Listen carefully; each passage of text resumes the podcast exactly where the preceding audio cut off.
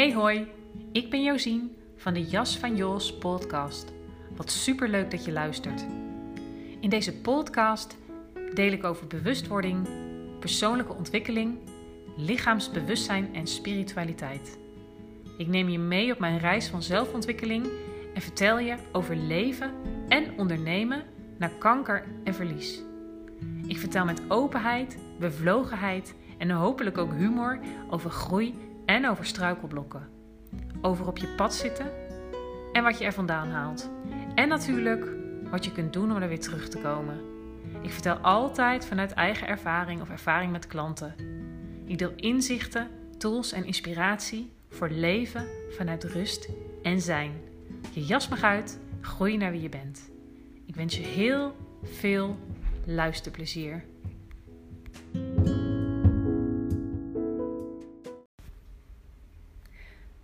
Heel leuk dat je er weer bent bij een nieuwe aflevering van de Jas van Jos podcast. Wat is nou eigenlijk het verschil tussen coaching en therapie? Het leek mij nuttig, zinvol en vooral ook leuk om hier een, uh, een aflevering aan te wijden. Um, ik noem mezelf coach, zijnsgeoriënteerd coach. Um, Essentiewerker noem ik mezelf ook, omdat het de lading in die zin voor mij dekt. Um, omdat eigenlijk alle uh, werkvormen, om het zo maar te zeggen, die ik gebruik, daaronder vallen. Dus ook um, mijn rol als yogadocent bijvoorbeeld. Uh, maar dat even terzijde. Want wat is nou het verschil tussen een coach en een therapeut? Wat is het verschil tussen therapie en coaching? Um, als je daar uh, op internet naar zoekt, op googelt, dan uh, krijg je vaak een, uh, stuit je vaak op deze metafoor dat, um, dat je een kapotte auto hebt en dat je wil dat die gerepareerd wordt. En dan wordt het verschil tussen coach en therapeut uitgelegd met dat een coach je begeleidt bij het leren, bij het leren hoe je je auto kunt repareren. En dat de therapeut je laat ontdekken hoe de auto kapot kan gaan. Met andere woorden, dat een, uh, dat een coach je begeleidt in hoe je in het hier en nu met uh, zaken om kan gaan. En dat een therapeut um, je laat ontdekken um, hoe het ooit mis kon gaan, zeg maar, hoe het ooit is misgegaan. Um, voor mij dekt dat maar gedeeltelijk de lading.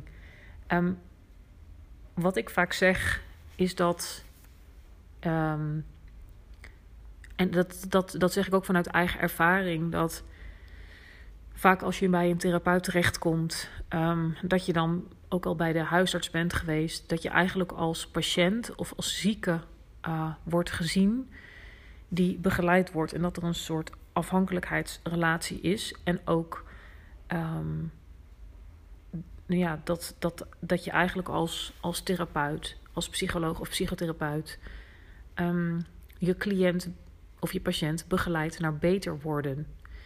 Um, en hoe ik het zie is dat een coach um, zeg maar veel meer in het hier en nu, dus werkt met wat er is.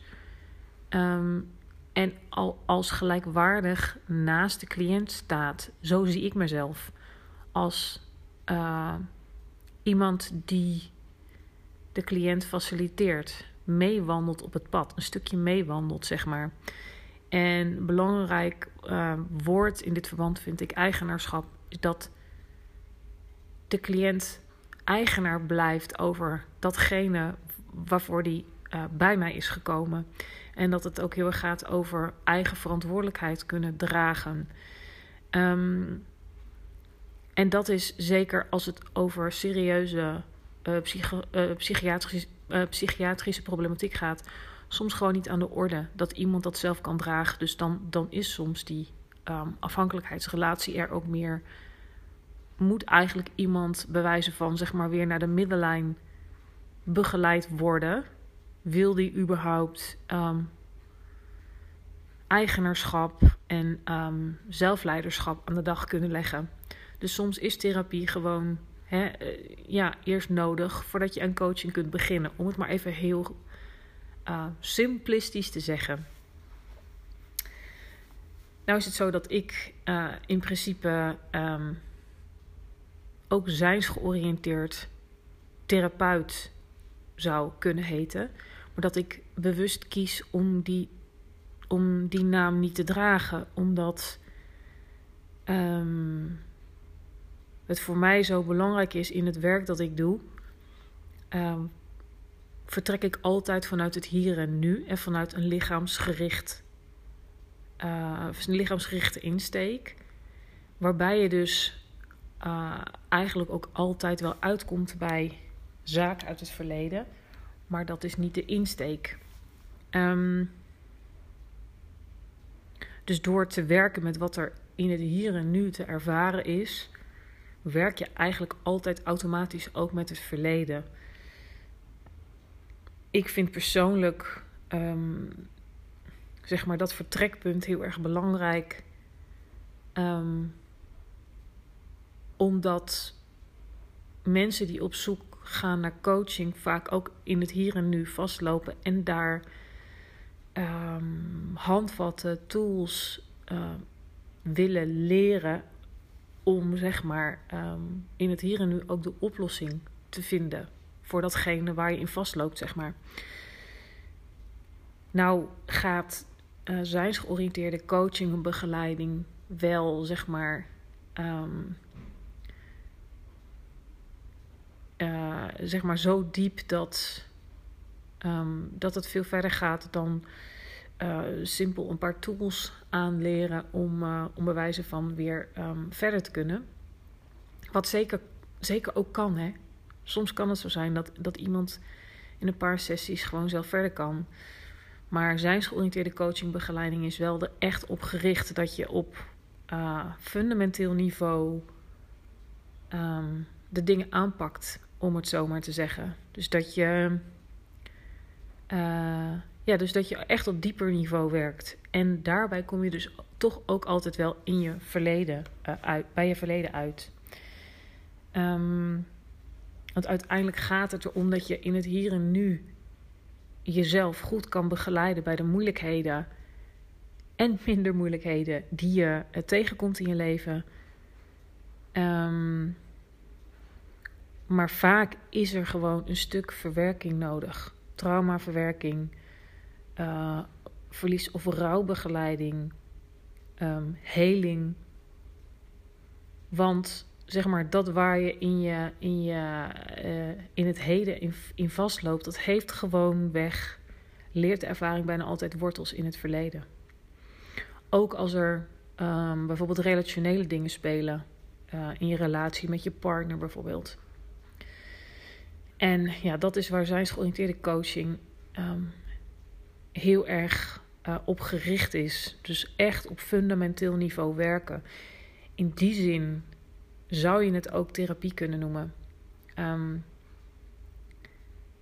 maar de uh, lichaamsgerichte insteek, dus echt van, zeg maar, van de handelingsstaat naar de voelende staat naar de zijnstaat te gaan. Um, en ook zeg maar het, het uh, grote uh, spirituele component bij deze manier van coaching en begeleiding. Ja, ma maakt het heel diepgaand. En dat je echt op fundamenteel niveau um, weer de verbinding met jezelf leert maken. En, en daar komt eigenlijk altijd bij dat je, dat je je ook verbonden gaat voelen met, zeg maar, um, het universele. Um, dus het overstijgt in die zin. Uh, hoe zeg je dat? Het individuele. Juist door um, je te richten op de bevrijding van jezelf, van het zelf.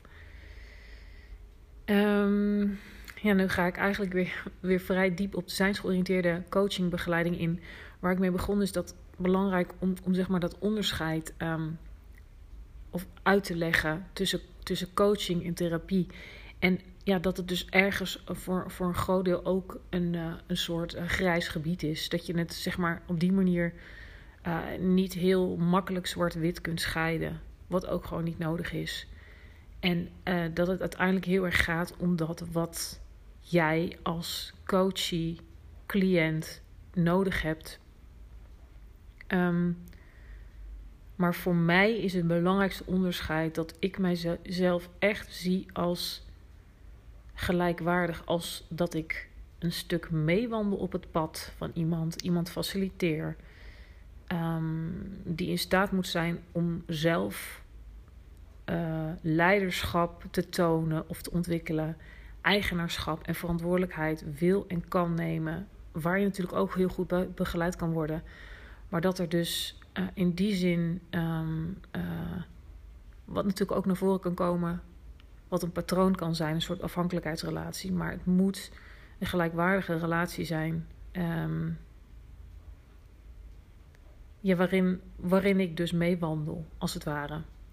En dat vind ik een heel belangrijk uitgangspunt. Um, dat is wat ik ook altijd wel probeer uit te leggen als ik een kennismakingsgesprek heb. Dat um, de verantwoordelijkheid bij de coachie of bij de cliënt ligt. Um, ja, dus, dus, dus dat je daar zeg maar steeds meer jezelf leert dragen. Um, dus dat is voor mij een, uh, een, uh, een belangrijk verschil. Dus de, ja, ik ben als coach zeg maar een metgezel op je pad. En uh, dat vind ik ook altijd belangrijk om te zeggen. Dat um, iedere goede coach, maar ook iedere goede therapeut doorgaand bezig is met zijn eigen proces van, van zelfontwikkeling, zelfbevrijding. Um, ook met lichaamsbewustzijn en spiritualiteit. Maar vooral zeg maar dat je, uh, dat je jezelf benadert als heel, maar altijd als verder te bevrijden. Dat er altijd verdere bevrijding mogelijk is. En daarom dus ook heel belangrijk om, um, zo, zo doe ik dat ook in mijn werk. Ik laat mezelf ook coachen, begeleiden. Ik heb intervisie, supervisie, leertherapie. Omdat iedereen ook altijd wat in je raakt. Dus iedere cliënt, iedere coachie uh, roept ook iets in mij op. En om zeg maar daar vervolgens weer werk van te maken. Um, zodat je. Ja, zodat ik ook steeds zuiver afgestemd um, mijn werk kan doen. Um, ja, dus tot zover. daarnaast vind ik het toch nog wel zinvol om iets te zeggen over het hele uh, energetische en lichaamsgerichte um, in het werk zoals ik het doe. Um, dat, dat het hoofd, zeg maar, het, het hoofdelijke inzicht en uh, uh, hoe zeg je dat? cognitie, dat dat zeker ook belangrijk is inzicht, jezelf begrijpen, ook begrijpen waar dingen vandaan komen, helpt gewoon enorm bij jezelf, zeg maar, serieus nemen. Om jezelf uh, van dingen los te maken. Maar de, de begeleiding en coaching echt vanuit het lichaamsgerichte, vanuit de gevoelde ervaring, maakt dat je, ja, dat je echt op fundamenteel niveau kunt ervaren in je lichaam, energetisch, wat het doet als je jezelf bevrijdt van, van trauma, van uh, het onderdrukken van emoties, van um, dat wat je belemmert, van bepaalde uh, strategische manieren om, om jezelf uh, uit te drukken of in relatie te zijn. Om gewoon een paar voorbeelden te noemen. Het lichaamsgerichte en werken in het hier en nu met wat er zich nu in je voordoet uh, vanuit de gevoelde ervaring, vanuit de veldsens in je lichaam. Ja, dat is, dat is super belangrijk. En dat is specifiek voor de, de, de wijze waarop ik coach begeleid. Maar dat uh, vertrekken vanuit het hier en nu is denk ik wat. Um, ja, wat ik een heel belangrijk aspect van coaching vind. Samen met de cliënt, meewandelend, faciliterend, ook confronteer, liefdevol confronterend, een spiegel voorhoudend, maar um, samen uh, met, uh, met een, met een eigen verantwoordelijkheid. Dat, uh, ja, dat, dat vind ik nog heel belangrijk om te zeggen. Um, nou, er valt nog veel meer over te zeggen, maar ik ga het hierbij laten. Um, heb je nou nog meer vragen, opmerkingen?